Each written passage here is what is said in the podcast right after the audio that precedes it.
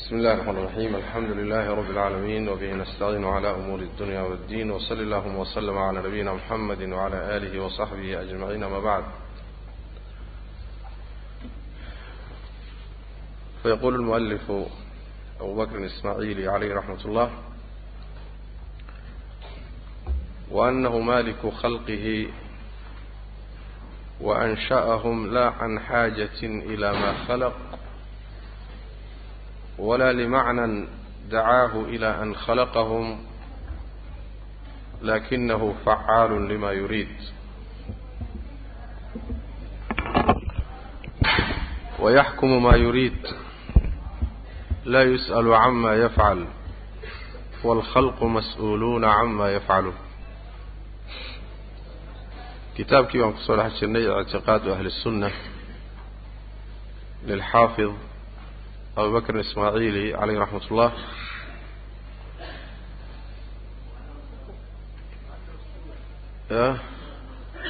وأنه استوى مين مريني ها صح وأنه استوى على العرش بلا كيف فإن الله تعالى أنهى إلى أنه استوى على العرش ولم يذكر كيف كان استواؤه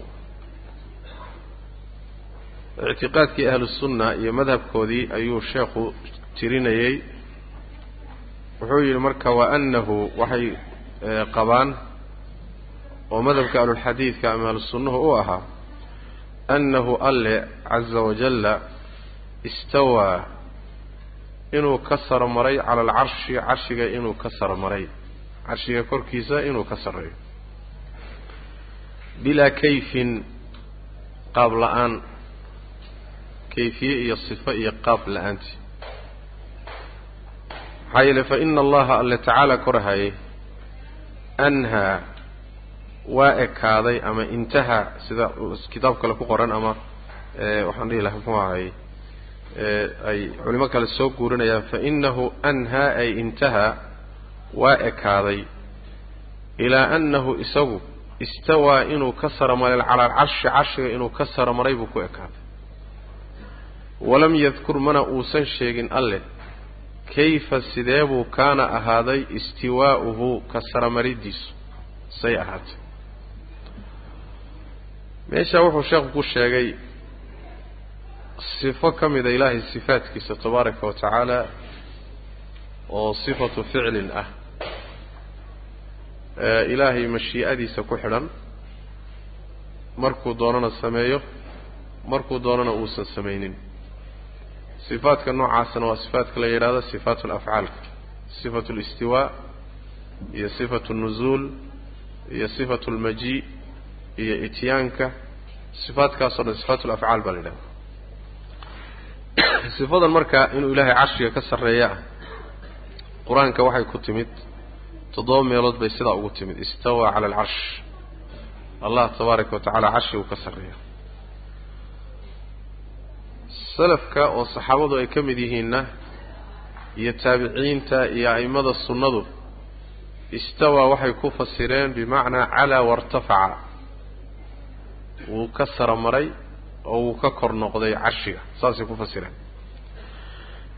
Tafsiirkaas way tafsiirkay kala dhaxleen oo ay mareen.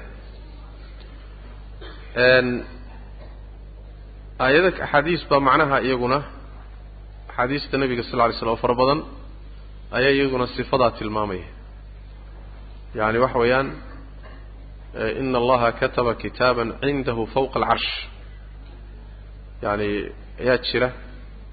Axaadiis fara badan oo sidaasa iyaduna jira oo ilahay inuu carshiga ka sarreeyo iyaguna caddaynayaa jira. Nusuus fara badan oo qur'aanka iyo sunnada leh oo iyaguna tilmaamayaa jira ilaahay inuu kor jiro tani khaas weeye carshiguu ka sarreeyaa. Nusuus aada u badan oo ilaahay kor inuu jiro sheegaysana waa jirta. Arrintaasi marka waa qur'aanka sariis sariixiisa iyo naskiisa. Axaadiista nebiga sal alla alay wasalam ee sariixa nas ku ah ijmaacii saxaabada iyo salafka ee a'imadii sunnada halkaasay mareen. Ilaahay tabaaraka wa tacaala inuu carshiga ka sarreeyo fitrada xataa ilaahay khalqigiisa uu abuuray haddaan fitrada lagu abuuray qalbigooda ku jirta aan la fasaadinin ayada lafteedu waxay tusaysaa in ilaahay carshiga ka sarreeyo. Inuu ilaahay kor jiro ayay tilmaamayo yacni xataa makhluuqaadka iyo dadka fitradii intay ku jiraan. Allaha ay caabudaan inuu kor jiray rumaysan yahay falsafada iyo cilmulkalaamka ayaa arrintaa fasaadiyey oo ku beddelay allaha tabaaraka wa tacaala meel walbuu joogaa ama mawjuudun bilaa makaan ama wuu joogaa meel lagu sheegana ma jirto. Labaduba waa laba fikro oo jahmiyadu ay keentay waay.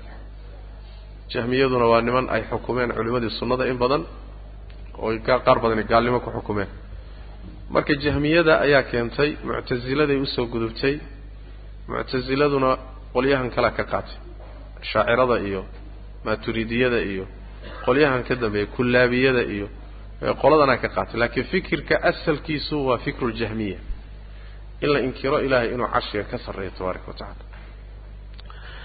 carshiguu ka sarreeyaa buu marka sheekhu yidhi istawaa cala alcarsh carshiguu ka sarreeyaa markuu ina yidhi buu wuxuu yidhi bilaa kayfin. Bilaa kayfintaa waa kaan horey u soo sheegnayo. Bilaa kayfin naclamuhu wa ama waxaad tidhahdaa bilaa takyiifin anagoon kayfiyeynaynin oo sifo sarrayntaa carshiga uu iska sarreeyo sifaday u taallo iyo kayfiyada iyo qaabkeeda annagoon gelaynin. Halkaa kaga gaabsanayna calaa xaddi waa kan soo tilmaanay maquuladii alimaamu malik waxaa uga horreeyey maquuladaasi sheekhiisa rabiicatu bni cabdiraxmaan alra'y ayaa uga horreeyey musalama iyadana laga wariyaa laakiin kama sugna. Wuxuu ka sugan yahay rabiicatu alra'y sheekhu malik iyo imaam malik buu ka sugan yahay. Markii la yidhi kayfa alistiwaa waa kaan soo sheegnay inuu yidhi alistiwaau hayru majhuul waalkayfu hayru macquul waaliimaanu bihi waajib waasu'aalu canhu bidca yani kayfka waxaan ujeeda istiwaha macno ahaan waa la yaqaanaa. Macnihiisu waa la yaqaanaa waa culuwi irtifaac waay. Kayfiyada uu yaaliya qaabku u yaallana waa waxaan la fahmaynin waa waxaan la garanaynin waa waxaan la aqoonin waay. Ma naqaano noloma sheegin. In sidaa loo rumeeyo adoon kayfiyadii garanaynin inuu haddana alla carshiga ka sarreeyo in saa loo rumeeyana waa waajib in kayfiyada su'aal laga keeno oo sifaadka ilahay sidoodaba la yidhaha say u yaallaan ama qaabkay u yaallaan la raadiyana waa bidco. Waa nooc zayqa waay nooc inxiraafa weeye oo khatar ah. Marka leanna waxyaalaha ilaahay uu la khaas yahay bay ka mid tahay. Cilmiga oo ista'hara allahu bihi buu ka mid yahay. Waxyaalaha ilaahay uu khaaska leeyahay oo cidna uusan u faydin cilmigeeda waxaa ka mid a kayfiyada ay sifaadku u yaallaan sifaadkiisa kayfiyadooda isaga khaas laha rabbi tabaaraka wa tacaala. Marka maadaama uu gooni leeyahay annaga ma gelayno. A waa waxaanaan yani waxa way aanaan keeni karinba. Halkaasaan ku gaabsanayna waxaan leenahay istawaa irtafaca wa calaa calaa carshihi istiwaa'an yaliiqu bijalaalihi tabaaraka wa tacaala. Mid isaga u qalma ayuu carshiga iyo qaab u qalmu uga sarreeya horey baan u soo sheegnay marka bilaa ictiqaad bilaa kayfintaasi sida ay a'immadu taqriirinayaan macnaheedu ma aha kayfiye ma leh. Leanna waxaan soo sheegnay waxaa muqarar allada aljamiic shay jira sidiisaba oo wax jira ah kayfiyuu leeyahy shay kastoo jira sifo iyo qaab buu leeyahy marka ma aha in kayfiyada la inkirayo ee waxa la inkirayo waa cilmunaa bilkayfiya waxayna ka cabiraan culimmadu kay takyiif bay ka cabiraan takyiif waa kayfiyeen inaad kayfiye u sheegno. Oo kayfiye aan garanayna annaga aan tilmaano taasaa la anfinaya. Taasi ma dhacayso. Taa iyada lama yaqaano khalad way macnaha ayib. Marka allah tabaaraka wa tacala carshiguu ka sarreeyaa in kelimada istawaa istawlaa lagu fasiro. Istawlaa in lagu fasiro iyaduna waa ra'yiga jahmiyada muctasilada ashaacirada kullaabiyada istiwaahaasi in istawlaa kelimada lagu bedelo jahmiyaa keentay. Iyagoo ka cararaya ilaahay carshiguu ka sarreeyaa bay waxay keeneen inay kelimadii qur'aanka taxriifiyaan. Oo waxaan meesha ku gelin soo geliya ku jirin soo geliyaan farqi baana u dhexeeya sida a'immada luqadda ee sunnadu ay sugayaan. Kelimada istawaa iyo istawlaa farqi baa udhexeeya xataa macno ahaan iyo carabi ahaan isma leh haddaad tidhahda istawlaa waa qabsasho. Shayga intuusan haysanin oo laga haystay ayuu xoog ku qabsaday.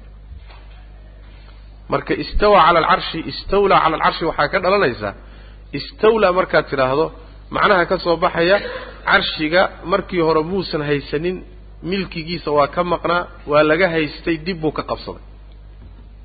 Saasaa la yidhahda yaani waxaa loo isticmaalaa ciidanka iyo dawladaha wax kala qabsanaya. Baa waxaa la yidhahdaa istawlaa taasaa istiilaa ku timaada laakiin looma isticmaalo shay asal ahaanba yaani waxa weeye aan marnaba gacantiisa meel ahayn soo marin ama isaga ka baxay yaani awooddiisa iyo qudradiisa istawlaa looma isticmaalo. Saas daraaddeed kelimadu macna ahaanna waa faasid luqad ahaan sharci ahaanna waa faasid. Waxa loo keenayna waxa weeyaan in lagaga cararo ilahay kor buu jiraa. Saas way macanaha marka waxa weeyaan kalmustajiiri min alramdaai binnaar. Nin cagagub ka cararay oo dab galay waay cagagub buu ka cararay markaasuu dab galay. Ama kud buu ka cararay markaasuu qanjo galay. Yani waxay ka is yidhaahdeen wuxuun ka cararaa tii ay ka carareen intuu ka daran bay ku dhaceen waataan soo sheegnayoo asalkoodu in badanoo ka mid a ilaahay tanziihiyay isleeyihin markay sifaatkan diidan yihiin waxay min baabi tanziih ba qasadkaasay wataan. In badanoo ka mid waa niyad fiican yihiin laakiin niyadda fiican kuu shafeeci mayso markaad khalad ku dhacdo. Khaladkaaga sixi mayso macnaa waan ka wada. Ayib wa annahu alle caza wajalla istawaa labada madhab ee caankee la yaqaano ee mas'aladaa khilaafsan ee ay keentay jahmiyadu oo midi ay tahay istawaa macnaheeda inta la inkiro sarraynta rabbi carshiga uu ka sarreeyo in la yidhahdo meel kastuu jooga. Waa madhab alitixaadiya alilxaadiya waxdatulwujuudku meeshuu ka dhashay waay fikirkan la yidhahdo. Ilaahay meel kastuu joogaa lawaasim baatila ka dhalanaysa. Lawaasimta baatilkae ka dhalanaysa waxa weeyaan haddaad tidhaahdo meel kastuu joogaa khalqigiisu ku dhex jiraa baa ka dhalanaysa waxaa kaloo ka dhalanaysa meelaha aadan naftaada u quudhin xataa inaad tidhahdo wuu joogaa. Soo ma a mafaasid waaweyn baa ka dhalanaysa oo aada u foolxun in la yidhahdo meel kastuu joogaa. Yacani waxa weeyaan inaad meelaha xataa liita ee qashinka iyo meelaha xunxun iyo meel kastuu jooga haddaad tidhaahdo waxaad ku qasban tahay oo lagugu ilzaamin ood iltizaami oodan meelaha laga marta helayn inaad meelaha ku sheegto. Meelaha haddaad ku sheegtana waa halis marka waa midday dhalisay markay ka fakan waayeen inay ka dhalato fikirkan dhahaya addoommada iyo alle waaba isku midba fikirka itixaadiya la yidhaha nimankaas. Waa niman yaani waxa weeyaan fogaaday waay. Makhluuq iyo khaaliq maba kala baxsanay gaadheen. Waa fikirkii ibnulcarabi iyo xallaaj iyo muxuu ahaayey falaasifatu suufiya nimanka la dhihi jiray fikirkay mareen waay. Wama alkalbu waalkhinziiru ilaa ilaahuna nimanka yidhi waay. A eyga iyo doofaarku waa uun ilaah anagii bay dheh maxaa yeel ilahay baa ku dhex jira. A meshaasay la gashay maxaa keenay? Markay u diideen ilaahay kor buu jiraa ooy qireen meel walbuu joogaa. Yaa waxay ku qasbanaadeen inay yidhaahdaan ilaahay iyo addoommadii waa isdhex galeen addoonkani dhinacna ilaah buu ka yahay oo kaga jira dhinacna waa addoon saas daraaddeed fircoon markuu yidhi wa ana rabu ana rabbukum alaclaa sax buu ahaa bay dheh fircoon markuu yidhi ana rabbukum alaclaa ilaahaynii sarana muxuu sax ku ahaa? Wuxuu sax ku ahaa bay dhaheen. Waxa ka dhex hadlahayay ilaahay buu ahaya isaga maahayn waxaasoo dhan maxaa keenay? Waxaasoo dhan waxaa keenay markaad caqiidadii qur'aanka iyo sunnada iyo ijmaacii salafka ka cararto oo cilmulkalaam iyo falsafa ay ku wareeriso iyo nin luunsan warkii inaad matahaadka noocaas iyo badweyntaa ku dhacdo waa gar markaa ilaan adigaa adigaa xadhigga goostay adaa lagu kari waay inaad ku ekaato ilaahay carshigiisuu ka sarreeya kayfiyadii qaabkana ma garanayno intaasaa nabadda ku jirta. Intaasaa nabadda ku jirta. Halka haddaad dhaafto hawl adig ku taalla wa saas way macanaa waxaa la mida fikirka isaga ah oo aan ka sokaynin in la yidhaahdo sida muta'akhirada ashaaciradu markan dambe ay ku carareen. Muta'akhirada ashaaciradu markan dambe markii fikirkaa horay markii hore dhihi jireen marka dambena way ka carareen. Waxay gaadheen inay hadda yidhaahdaan yaani mawjuudun bilaa makaan. Waa jiraa laakiin meel lagu sheega ma leh. Waa qolada uu yidhi muxuu ahaayey ibnu taymiya waxay caabudayaan ilaah ayna garanayninba meeluu jiro waa nin cadam caabudahay. War ilaah caabudaysa aaway ma aqaano kuleey xagee jiraa ma aqaano meel walba ma joogo meel walbana ma joogo. Dhankeed ku tilmaam dhinacna kuma sheegahay hadda waxaan jirin baad caabudaysaa marka. Taana way ka sii daran tahay. Oo wax ka daran baa iyadana ka dhashay. Inaad marka ku baaqi ahaato caqiidada qur'aanka iyo sunnada iyo saxaabadii iyo a'immadii kala dhaxleen ee ijmaacooda ku dureersaday oo ah intaa ku gaabso. Ilaahay waa sarreeyaa kor buu jiraa carshigiisuu ka sarreeyaa qaabkana ma naqaano nooma sheegin intaa ku gaabso. Oo bas waad nabadgeli markaa. Saas maanaa matahaadka mutakalimiinta ka baxa ayib waanahu istawaa alla waa saro maray cala alcarshi carshigu ka saro maray bilaa kayfin. Qaab la'aan ama qaabayn la'aan sifada iyo qaabka iyo kayfiyada istiwaha iyadoo aan aan la sheegaynin ama aan la garanayn. Maxaa yeele fa ina allaha alle tacaala korahaya anha waa ekaaday. Wuxuu ku ekaaday ilaa annahu isagu ama anha wuu ekeeyey hadalka iyo arrinta wuu ekeeyey muxuu ku ekeeyey? Ilaa annahu isagu istawaa inuu saro maray cala alcarshi carshiga inuu ka saro maray buu ku ekeeyey. Intaasuu ku ekeeyey. Ayib walam yadkur mana uusan sheegin kayfa sidee buu kaana ahaaday istiwaa'uhu saramaridiisa uu carshiga ka saramaray see u yaalla alla ma sheegin saas daraaddeed haddaad rabbi u tagto oo aad tidhaahdo rabbiyo waxaan rumaysnaa inaad carshigaaga ka sarrayso oo lagu yidhaahdo xageed ka aragtay xageed ku aragtay waxaa kugu filan inaad tidhaahdo qur'aankaan ku arkay nebigaaga axaadiistiisaan ku arkay kuma weydiinaya markaa kayfiyada iyo qaabka leanna isagaaba khaas la noqday ista'hara bihi. Intaasaa marka kugu filan amaam allah. Laakiin meel kale haddaad u baxdo oo lagu yidhaahdo istawaa istawlaa yaa kuu fasiray baa lagu leehay yaa istawaa istawlaa kugu yidhi. Maxaad dhihi? Sheekh hebel baa kaa saari. Kaa saari mayso saas daraaddeed caqiidadaa in lagu sugnaado oo iyadaa la ilaashado ayaa laazim qur'aanka sunnada fitrada iyo ijmaaca intuba sidaas. Wey wa annahu bay rumaysan yihiin ahlu sunnuhu annahu alle maaliku khalqihi bilmunaasaba kutubtii mutaqadimiinta ashaacirada ashaacirada mutaqadimiintooda. Bima fi dalika abulxasan imaamka laftiisa iyo weliba raggii kaleeta ee ka agdhawaa muxuu ahaayey baqilani iyo mutaqadimiinta ashaaciradu sifada istiwaaga way sugaan oo ma awilaan istilaagan dib u ka yimi saas daraaddeed kutubta abulxasan alashcari ee isagu uu qoray ee hadda taalla kulligood waxay isku waafaqsan yihiin abulxasan alashcari inuu qabay ilahay inuu carshiga ka sarreeyo. Saas way macanaha maqaalaat lislaamiyiin iyo muxuu ahaayey risaalatu ila ahli thaqr iyo sidoo kale kitaabkiisa ibaanada ah kulligood waxay isku waafaqsan yihiin inuu sugayo ilahay inuu carshiga ka sarreeyo. Haddaad abulxasan ashcari iyo ashaacire aad raacaysana waa ka kutubtii wata.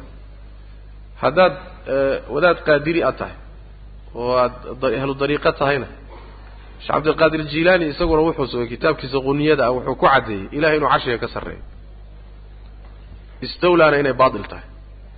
Marka adigu meel lagugu soo haga yeelo haddaad qaadiriye tahayna waa ka cabdilqaadir jilaani haddaad ashcari tahayna waa ka abulxasan alashcari haddaad saxaabadii iyo a'immadii raacaysana waa kuwa madhabkoodii. Haddaad qur'aan raacaysana waa ka. Haddaad sunnan raacaysana waa ta yaad raaci wey marka. Wixii intaa ka dambeeya ninkii la dhihi jiray khazali iyo imaamulxaramayn juwayni iyo muta'akhiriin dib ka yimid oo wax badan ka khaldanaayeen unbay noqon inaad ku warwareegto. Meelaha unbaad ku wareegto gadaal dambe inaad wax ka raaraadsato mooye horaydaa hore wax ka helmaysa marka waad wareersanta wa annahu alle maaliku khalqihi khalqigiisa midka milkiye way alla tabaaraka wa tacaala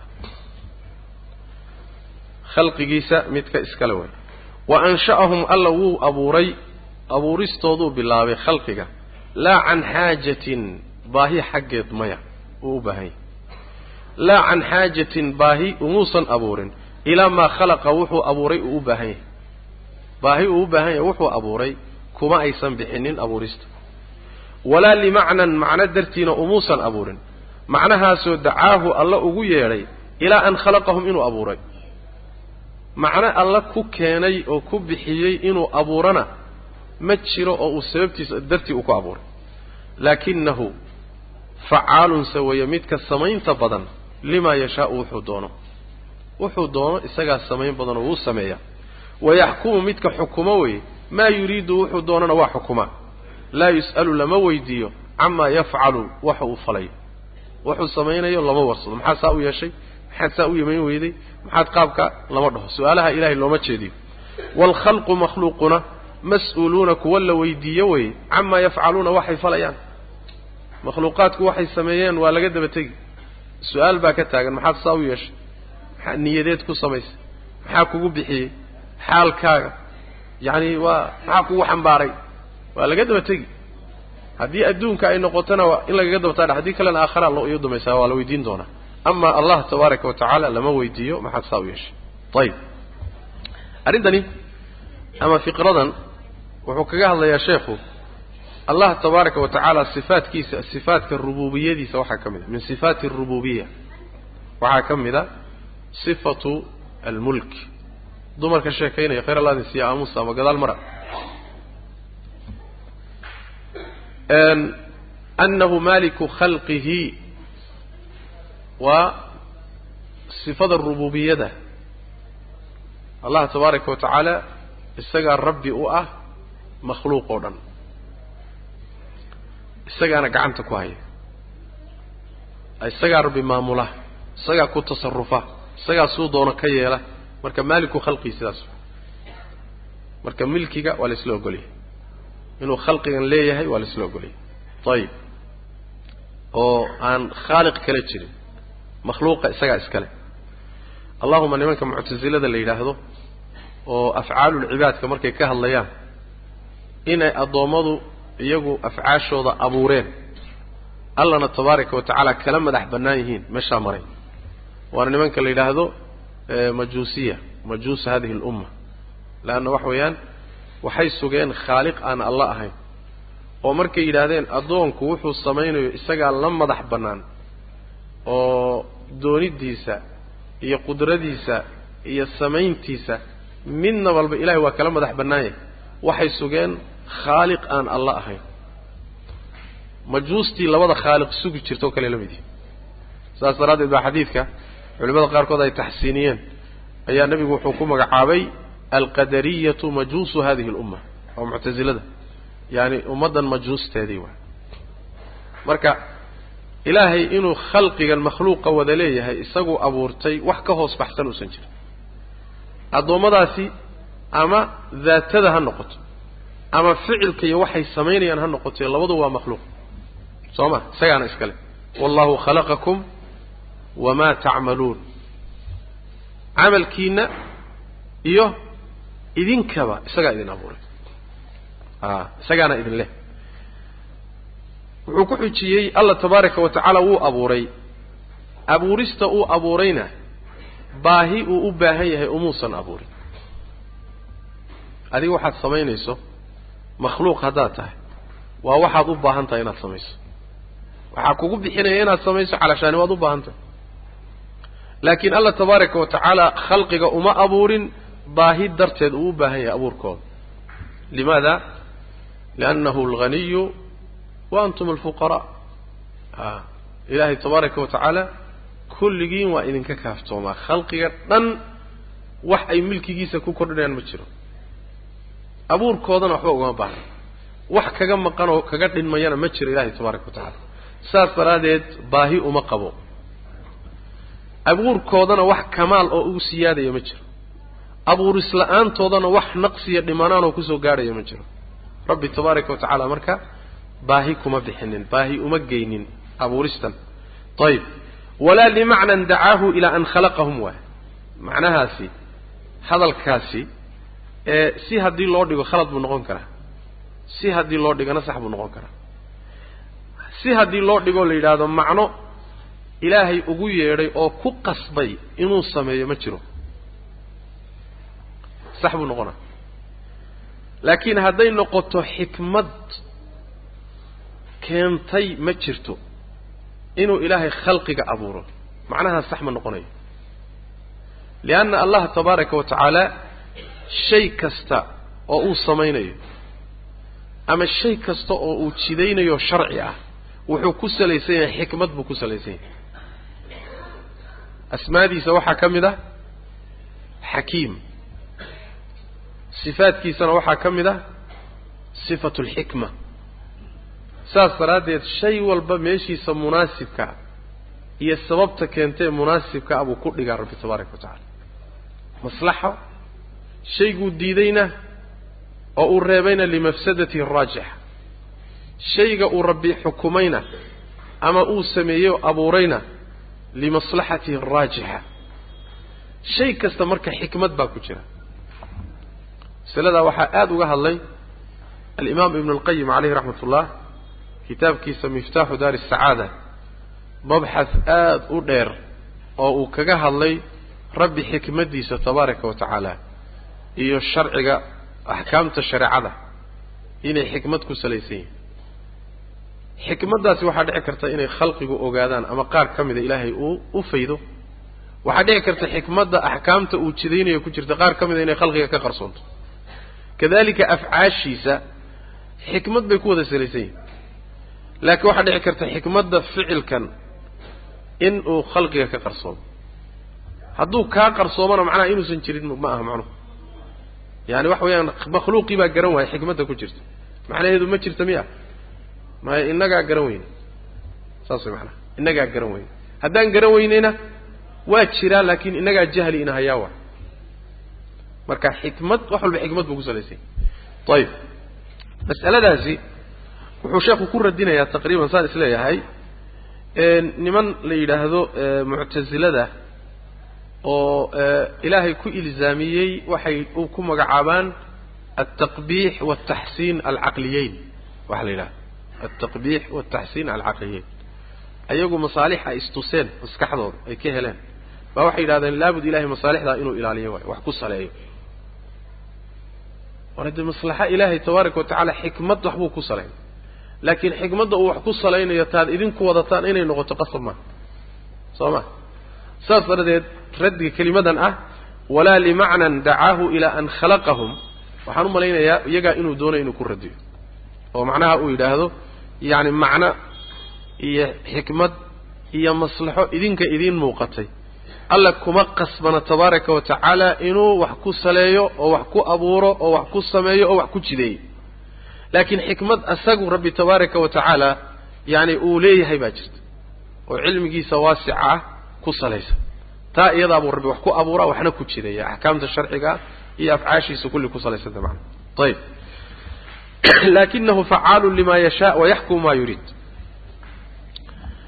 wa anahu alla maaliku khalqii khalqigiisa midka milkiyo wey midka iska lehe gacanta ku hayo way wa ansha'ahum alla waa abuuray makhluuqa isagaa amaamuday oo asalkooda keenay laa can xaajatin se umuusan abuurin baahi ilaa maa khalaqa wuxuu abuuray uu u baahan yahay taa darteed umuusan abuurin walaa limacnan macno darteedna umuusan abuurin macno dartiina umuusan abuurin macnahaasoo dacaahu alla u yeedhay ilaa an khalaqahum inuu abuuro ugu yeedhay macno ilaahay ku kallifay oo ku qasbay oo ugu yeedhay inuu abuurana kaa dartiina ilaahay kuma abuurin.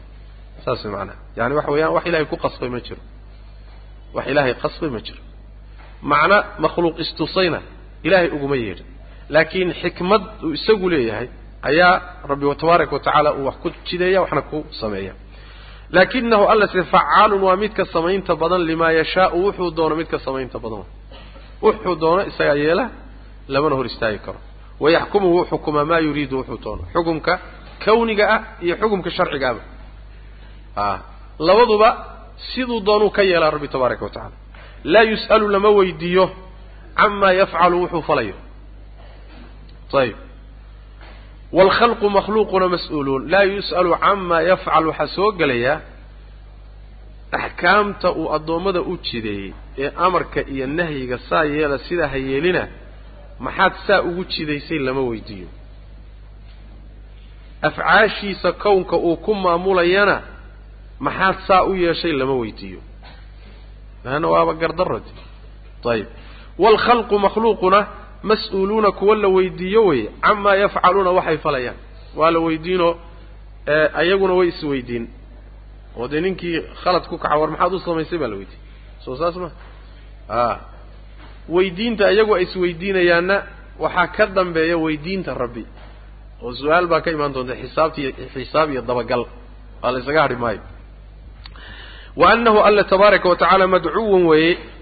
Mid loogu yeedho oo lagu baryo biasmaa'ihi magacyadiisa alxusnaa ee ugu wanaagsan magacyaha waa mawsuufun mid la sifeeyey weeye alle. Bisifaatihi sifooyinkiisa iyo tilmaamihiisa mid lagu sifeeyey wey allatii sifaatkaasoo samaa uu magacaabay ama allatii asmaadaasoo samaa uu magacaabay oo wasafa uu ku sifeeyey bihaa sifaatka nafsahu naftiisa uu ku sifeeyey oo ku tilmaamay. Wa samaahu uu ku magacaabay oo wasafahu uu ku sifeeyey bihaa iyada nebiyuhu nebiguusana uu ku sifeeyey sal lla alay slam allah isagaa isku magacaabay rasuulkuna waa ku magacaabay. Isagaa isku sifeeyey rasuulku waa ku sifeeyey. Ayib intaasi waan soo marnay. Soo ma? A fiqrada saddexaad wayactaqiduuna ana allaha tacaala madcuwun biasma'i lxusnaa waa takraar uu soo celiyo ma isagaa soo celiya sheekha kitaabka iska leh mise nusaakhda kitaabka qorayay baa soo celiyay labadu way suroobi karta laakiin waxay u badan tahay inay nusaakhda kitaabka qorayay ay iyagu yani takraarkaasi sameeyaan laa yucjizuhu ilaahay ma caajisgeliyo shay-un shay ma caajisgeliyo fi lardi dhulka dhexdiisa kuma caajisgeliyo walaa fi samaa'i iyo xagga saratoona kor iyo hoostoona meel ilaahay uu shay ku caajisgelin kara ma jiro. Shay-un waxaa la yidhaahdaa waa nakiratun fii siyaaqi nafyi waay. Cumuum bay faa'idaysaa shay aya shay wuxuu dooni ha noqo ilaahay caajis gelin kara ma jiro. Caajisgelinta maxaa laga wadaa? Bimacnaa ka tanbadin kara. Awood u sheegan kara oo kaga fakan kara ama cilmi u sheegan kara ama xeelad u sheegan kara si uun awoodda ilaahay kaga fakan kara ma jiro. Intuu ilaahay tabaaraka wa tacaala tabar la'aan dhigo oo ka tabar badiyo oo ka awood badiyo oo ka xeelad badiyo inuu markaa sidaa ku fakadaay ma suroobi karto. Laa yucjizuhu shay. Leesh lianna markaad awoodda ka dhex ka fakanayso ood caajis gelinayso laba mid waay. Ama qudro iyo xoog baad sheeganaysaa waad ka xoog badanta waad caajis gelin marka. Ama waxaad sheeganaysaa waad ka aqoon badan tahay oo aqoon baad ku caajis gelinaysaa. Ama makri iyo xeelad intaad u isticmaashaad yaad sidoo kaleeto caajis gelinaysaa. Intaa midna miya ilahay ku suroobi karta maya a saas daraaddeed baa rabbi wuxuu yihi litaclamuu ana allaha calaa kulli shayin qadiir wa ana allaha qad axaata bikulli shayin cilmaa shay kastana waa awoodaa oo awooddiisa nina iskuma taagi karo. Mana caajis gelin karo kamana hoos bixi karo. Shay walbana waa ogsoon yaho cilmigiisu wax walbuu koobay oo kama dhuuman kartid kamana fagan kartid ma xeeladaysan kartid sina kuma fagan kartid. Marka laa yucjizuhu shay-un fi lardi walaa fi samaa macnahaas wey aayadda qur'aanka aayadaha qur'aanka baa tilmaamaya wamaa kana allahu liyucjizahu min shayin fi samaawaati walaa fi lard.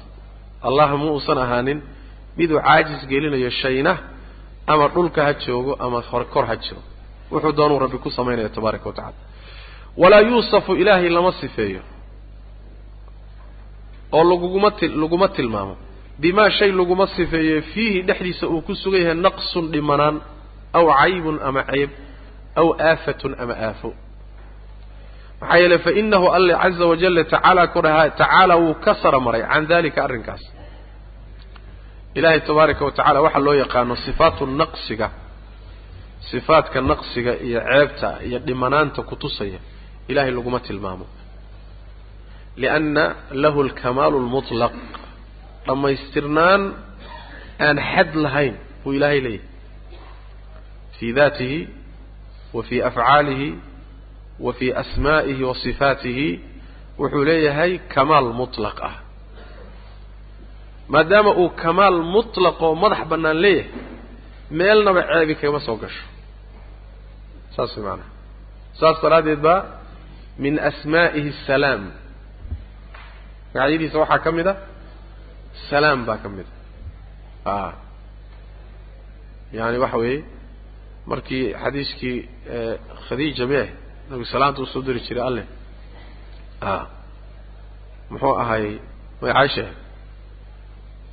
ina allaha huwa asalaam buu nabi ur sal lay slam ina allaha huwa asalaam qur'aankana waa ka magacyada rabbi lagu diray tabaraka wa tacala suurat alxashri akhirkeeda marka salaam macnaheedu waxa weeyaan ceeb oo dhan buu ka fayow yahay. Dhimanaan oo dhan iyo naqsi oo dhan buu ilahay ka nabadgeshan yahay tabaaraka wa tacala marka ma laha wax dhimanaana laguma tilmaami karo marka sifaadka naqsiga waxaa ka mid a masalan ee ceebta keenaya in la yidhahdo ilaahay ilmuu leeyahy carruur buu leeyahy tacala allahu cama yaquluuna culuwan kabiira yani waa midda rabbi ku tilmaamay takaadu asamaawaatu yatafatarna min fawqihina wاlmalaa'ikatu maxay? Minhu? Fi akhiri suurati maryam maxay? An dacow lilraxmani walada wama yanbagii lilraxmani an yatakida walada yani dhulka iyo samadii makhluuqu inuu dildilaaco waaweyn bay ku siganayaan in ilaahay ay ilmo u sheegeen arrin aada u culus sababtu waxa weeye ilmaha yeelashadiisu waa sifatu naqsin marka loo fiiriyo khaaliqa leanna ilmo maxaa loo yeeshaa baahi soo ma ilmo waxaa loo samaystaa baahi. Waxaa loo dhalaa baahi. Waxaa loo korsadaa baahi. Adeegiisaaad u baahan tahay. Markaad gabowdo ayaad u baahan tahay. Baahi aada u baahan tahay baa ibni aadamka ku kalifa ama uu u baahan doono ilmo raadinta iyo dhaladiisa. Meeshaa waxaa ka dhalanaysa marka ilmo haddii ilaahay loo sugo waa sifatu naqsin waa dhimanaan. Waxaa ka dhalanaysa baahi uu u baahan yahay buu ilmaha u yeeshay in badan baa aayadaha ka hadlaya radinaya ilmuu alla yeeshay waxaa la daba dhigaya qudrada rabbi in laga hadlo. Samaawaadkiiyo dhulalkii wax dhex yaalla inuu isagu leeyahay laga hadlo. Kulligood inay isaga wada ateecisay in laga hadlo. Maxaa la radinayaa war ilaahay uma baahna carruur waay ilmo ilaahay uma baahna masalaasaa laga hadlaya sifatu naqsin way marka. Sifatu naqsin waaye ceeb waay waxaa sifatu naqsiga sidoo kale in ilaahay tabaaraka wa tacaala loo sugo ama loo sheego in kownkan maamulkiisa lala leeyahay shariik ama cibaadada lala leeyahay kullu dalika waa sifatu naqs. Waa ceeb ilaahay loo tiirinayo tabaaraka wa tacaala. Marka sifaadka naqsiga ceebta keenaya hurdada oo kale lulmada oo kale halmaanka oo kale waxyaalahaas oo dhan dhammaan waa sifaatu naqsin iyo ceeb iyo dhimanaan kutusaya wey ilahayna tabaaraka wa tacaala laguma sheego. Waa ka sarreeya waxaas walaa yuusafu laguma sifeeyo alla bima fiihi naqsun wax dhimanaan ku jiro aw caybun ama ceebi ku jirto aw aafatun ama aafa ku jirto maxaa yeelay fa inahu alle tacaala waa ka sara maray can dalika arrinkaa. Wa khalaqa aadama aadam buu alla abuuray biyadihi gacantiisuu ku abuuray. Aan soo marnay soo ma wa yadaahu labadiisa gacmoodna mabsuutataani laba la fidiyey wey. Yunfiqu wuxuu bixiyaa oo u nafaqeeyaa kayfa yashaau siduu doonu wax u nafaqeeyaa bila ctiqaadin bilaa ictiqaadi kayfa yadaahu iyadoon la ictiqaadinin labadiisa gacmood see yihiin kayfiyadeen u yaallaan. Bilaa ictiqaadi kayfa yadaahu in laysu idaafeeyo. Ama bilaa ictiqaadin iyadoon la ictiqaadinin kayfa sidee bay ahaadeen yadaahu labadiisa gacmood? Oo markaa la kala jaro waa la heli karaa iyadan. Macnuhuna isku mid buu noqonaya. Id cilladu waxa weeye lam yantiq kumuusan hadlin buu uhi kitaabullahi alla kitaabkiisa tacaala korahay fiihi dhexdiisa kumuusan hadlin bikayfin. Qaab iyo kayfiyo kumuusa sheegin. Maxaan u leenahay bilaa ictiqaadin kayfa yadaahu ama bilaa ictiqaadi kayfa yadahu maxaan u leenahay. Leanna kitaab ilaahay buu yaasan yaan ku hadlin oon sheegin kayfiyada sifaatka. U fiirso sida ay culimada sunnadu taxadirkooda u fiirso. Yacni waxay ku eg yihiin meesha qur'aanku ku eg yahay meeshay sunnadu ku eg tahay. Meeshay ka soo gaadheen saxaabadii a'imadii ka soo gaadhen halkaasay ku egyihin halkaa ma dhaafaan waxaa ku filan in la yidhahdo qur'aanku ma sheegin. Sunnadu ma sheegin. Bas halkaasay istaagaya maana. Ayib walaa yuctaqadu lama ictiqaadiyo.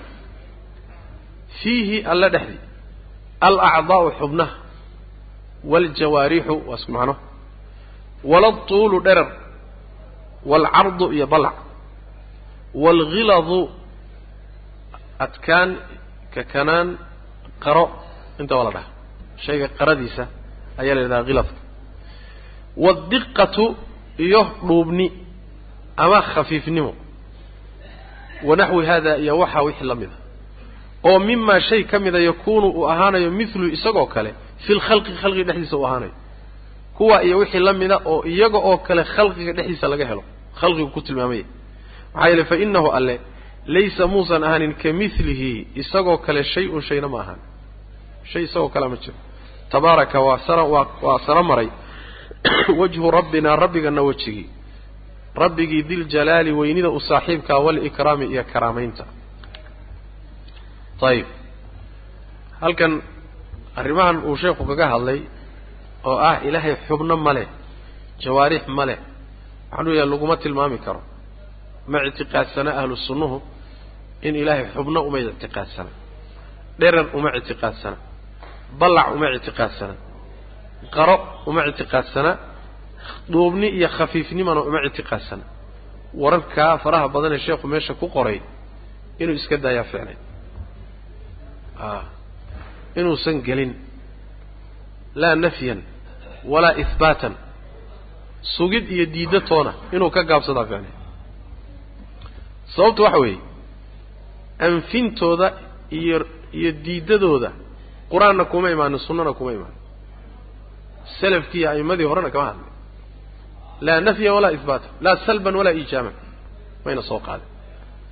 Wixii sidaasoo kale ana waxaa fiican sheegidoodaba in la iska daayo.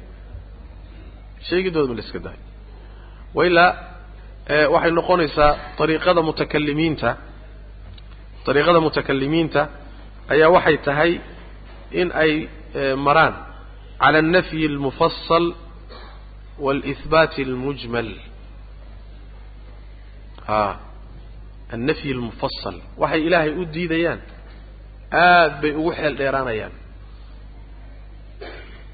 Waxay leeyihiin sidaa male oo saa male oo sifadaa male oo saas maha oo saas maha oo saas maha saas ma ahadooda baa aada u badan waxay sugayaane ilaahay u sugayaanna waa wax kooban oo isaga dhanba duuduuban waayo alla waa jiraa waa nool yahay awood buu leeyahay wax yar markay u sugaan baa waxay gelayaan baabu nafyi iyo salbu sifaat bay gelayaan markaasay ku xeel dheeraanayaan. A laa dakhila alcaalam walaa khaarija alcaalam walaa fawqa alcaalam wala aljiha alyumna wala aljiha alyusra walaa walaa walaa walaa walaa warkood wakaa marka waxaa la yidhaahdaa madhabu almutakalimiin waa annafyu almufasal waalihbaatu almujmal madhabku waxaa khilaafsan ahlu sunna qur'aanka iyo sunnada iyo salafka iyo saxaabada madhabkoodaa khilaafsan oo ah alihbaatu almufasal waalnafyu almujmal waxa ilaahay laga anfiyey oo qur'aanka markaad fiiriso waa wax kooban. soo ma? waa wax kooban. laa ta'khuduhu sinatun walaa nawm. laa yucjizuhu shay. soo ma? Lam yalid walam yuulad walam yakun lahu kufuwan axad laakiin markaad garab dhigto ilaahay sifaadka uu qur'aanka ku sheegay sugay iyo magacyada uu ku sheegay say noqonaysa sooma yaraanaysa a nafyigaa marka mujmal ah waa urursan yahy ihbaatkaa mufasal ah. Taa dariiqada mutakalimiinta khilaafsan marka. Dariiqada mutakalimiinta ayaa khilaafsan.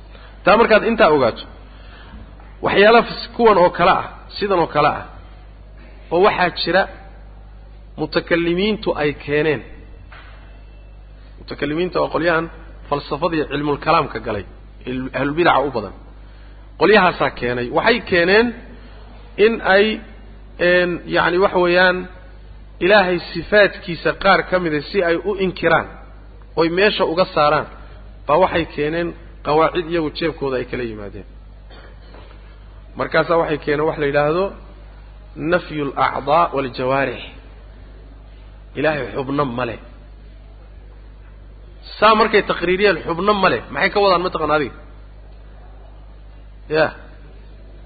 Xubno male waxay ka wadaan oo qasadkoodu yahay ooy rabaan inay u maraan inay dhahaan gacan ma leh oo weji ma leh oo lug ma leh oo fara ma leh oo intii nusuustu sheegtay oo dhan inay ku inkiraan oo yidhaahdaan laysat lahu acdaa. Adiga fahan marka nacas ha noqonin yaan lagaa lugu meersanin nafyu alacdaa waaljawaarix waxay ula socdaan inay sifaadkii qur'aanku sheegay ee sifaatu daadka khabariga ah. Inay ku inkiraan. Waa se lala fahmay. Oo waxaa la leeyahay sideedaba kelimatu alacdaa iyo waljawaarix in ilaahay loo isticmaalo laa nafya walaa ihbaatan sax maaha. Leanna waa kelimo macno xunna loola jeedi karo macno wanaagsanna loola jeedi karo soo ma kelimaadka noocaase macaanidaa faa'iidaynaya macno xunna loo wadan karo macno fiicanna loo wadan karo aanan soona aroorin in laga gaabsadaa fiican. Itlaaqoodu ma fiicna isticmaalkoodu ma fiicna. Kelimaadkii qur'aanka iyo sunnadii ka sugan a'immada kuwaasaa lagu gaabsadaa.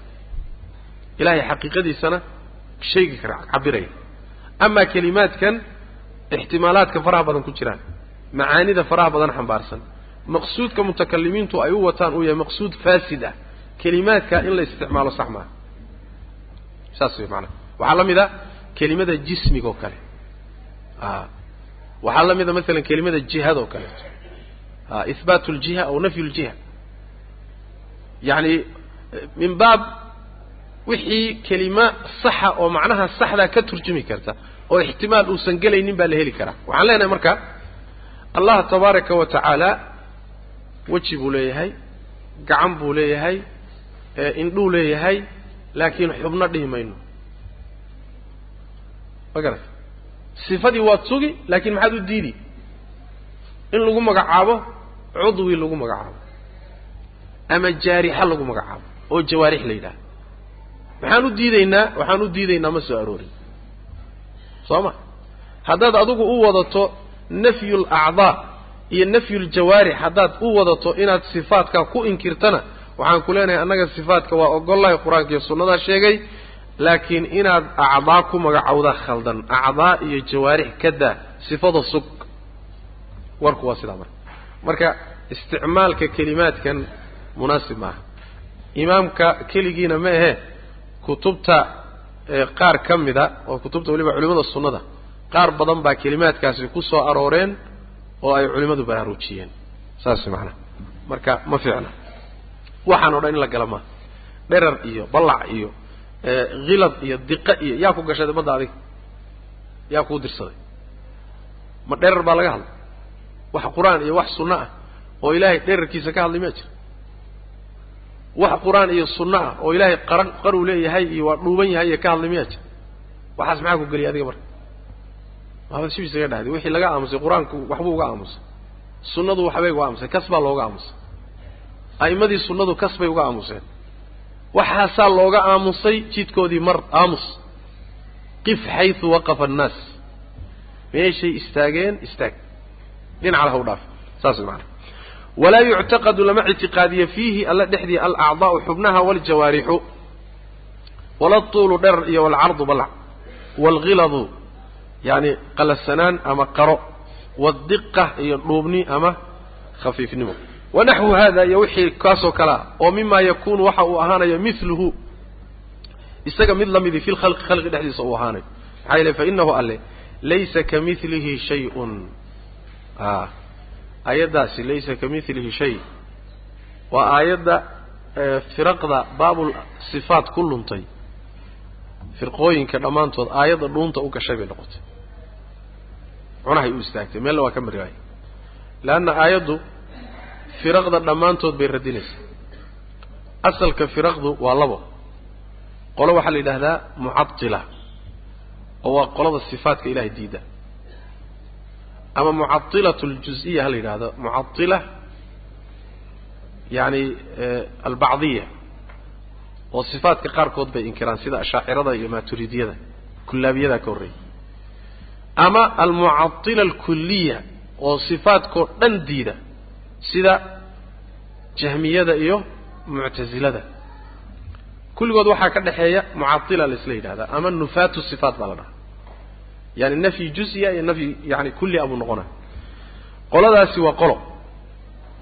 Qolada kalena waa qolada la yidhaahdo mushabbiha loo yaqaanaa oo waxay ku quluwi ku sameeyeen oo ku xadgudbeen ihbaatkii sifaatka qoladaasina waxay ku xadgudbeen oy quluwi ku sameeyeen nafyiga. Yani mucadiladu waa ghullaatu nafyi. Qoladanina waa ghullaatu lihbaat sifaatkii bay sugeen waa mushabbihada markaasay sifaatkii intay sugeen bay ilaahay khalqigiisa isku shabbiheen. Oo sifada markay sugaan waxay leeyihiin haa ilaahay sifuu leeyahay cilmi buu leeyahay cilmigiisu waa ka makhluuq oo kale. Noloshiisu waa ta makhluuq oo kale. Wahaakada wejigiisu ka makhluuq oo kale waa. Wixii ay makhluuqa ku yaqaaneen bay ilaahay tabaaraka wa tacaala ku shabbaheen. Mushabbiha la yidhahda labadaa qoloba aayaddanaa radinaysa. Laysa ka midlihi shay wax ilaahay la mida ma jiro. Yay radisay qaybtaas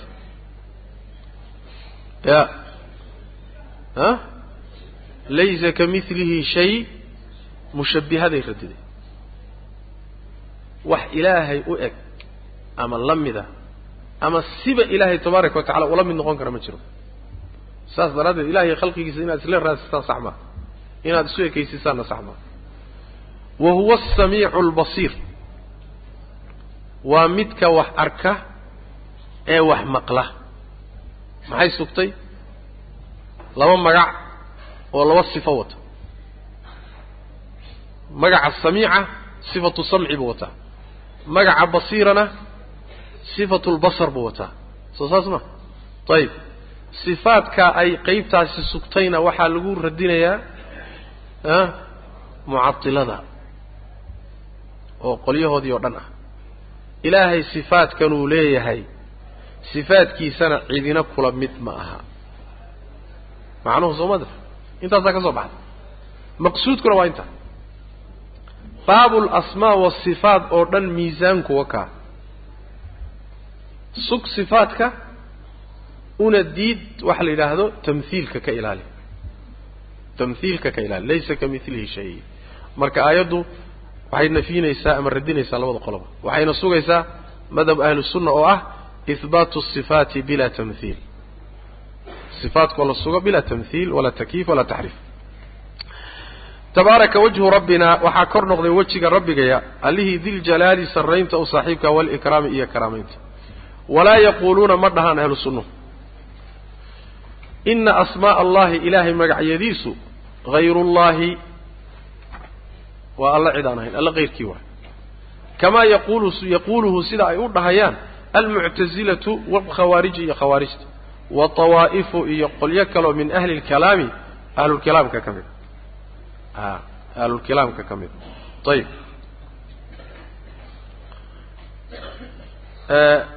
meeshaasi ahlulahwaa'i ka mid a dheh watawaa'ifu oo min ahli lahwaa'i dadka hawadooda raacay ka mid ahlulahwaaga iyo ahlulkalaamka iyo ahlulbidaca iyo isku macno dhow yihiin waa dadka hawadooda raaco diintooda aan raacin asarka aan raacin waayo asarka yacni wixii kitaabka lagu soo guuriyey ama sunnada lagu soo guuriyey saxaabada laga soo guuriyey wixii la soo guuriyey ma raacaan. Ee wixii iyaga fiiradooda iyo baadhistooda ay keento caqligoodu wuxuu tuso bay raacaan. Hawadooda waxay ka helaan oo la qumanaaday raacaan. Qoladaasa waxaa la yidhahdaa ahlu lahwaa ahlunadarna waa la yidhahda ahlura'yina waa la yidhahda yani waxa weeyaan abwaabta marka la joogo muxuu ahay kutubta sunnada marka laga hadlayo. Mas'aladan marka ilaahay asmaadiisa ku saabsan waa mas'alo iyadana ka mida masaa-isha ay keeneen mutakalimiintu. Ahlulahwaagaa keenay waana masalo shaa'iga runtii. Masaladuna waxa weeye alla tabaaraka wa tacaala leeyahy soo ma magacyada alle ma alle laftiisiiba mise alla meehe waa wax kale? Haddaad tidhahdo magacyadu waa alle waa ra'yi haddaad tidhahdo magacyada alle waa wax kale isagii ma ahana waa ra'yi masaladaasi marka waa masale ay keeneen mutakalimiintaa keenay ilan balaayoun bay keenaan mugta wuxuu yidhi cali bn abi taalib radi allahu canhu wuxuu yidhi cilmigu dhibic buu ahaa buuhi caamadaa waasicisay buui say uun u lafagurahayeen oy u faaqidahayeen ooy u findhicilahayeen bay waasiciyeen buuhi qur'aanka iyo sunnada caqiidada ay ka hadleen waa wax basiid oo fudud oo nin walba fahmi kara waay. Laakiin nimankan mutakalimiinta ee falaasifada ah baa masaa'il fara badan ku soo dhex tuuray mujtamacii muslimka. Kutubtii bay soo dhexgeliyeen culimadii sunnada markaasaa lagu qasbanaaday. Waxan waa wax yimide waa in laga hadlo. Ilaa way ku haysatahay.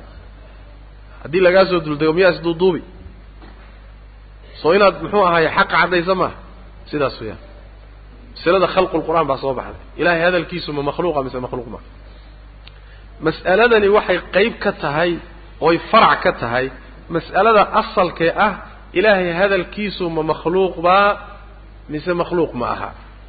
Waana mas'aladay ee ku kala baxeen muctasilada iyo ahlu sunnaha oy uga horreeyeen jahmiyadu. Ilan jahmiyada uga horreysa muctasilada yani marka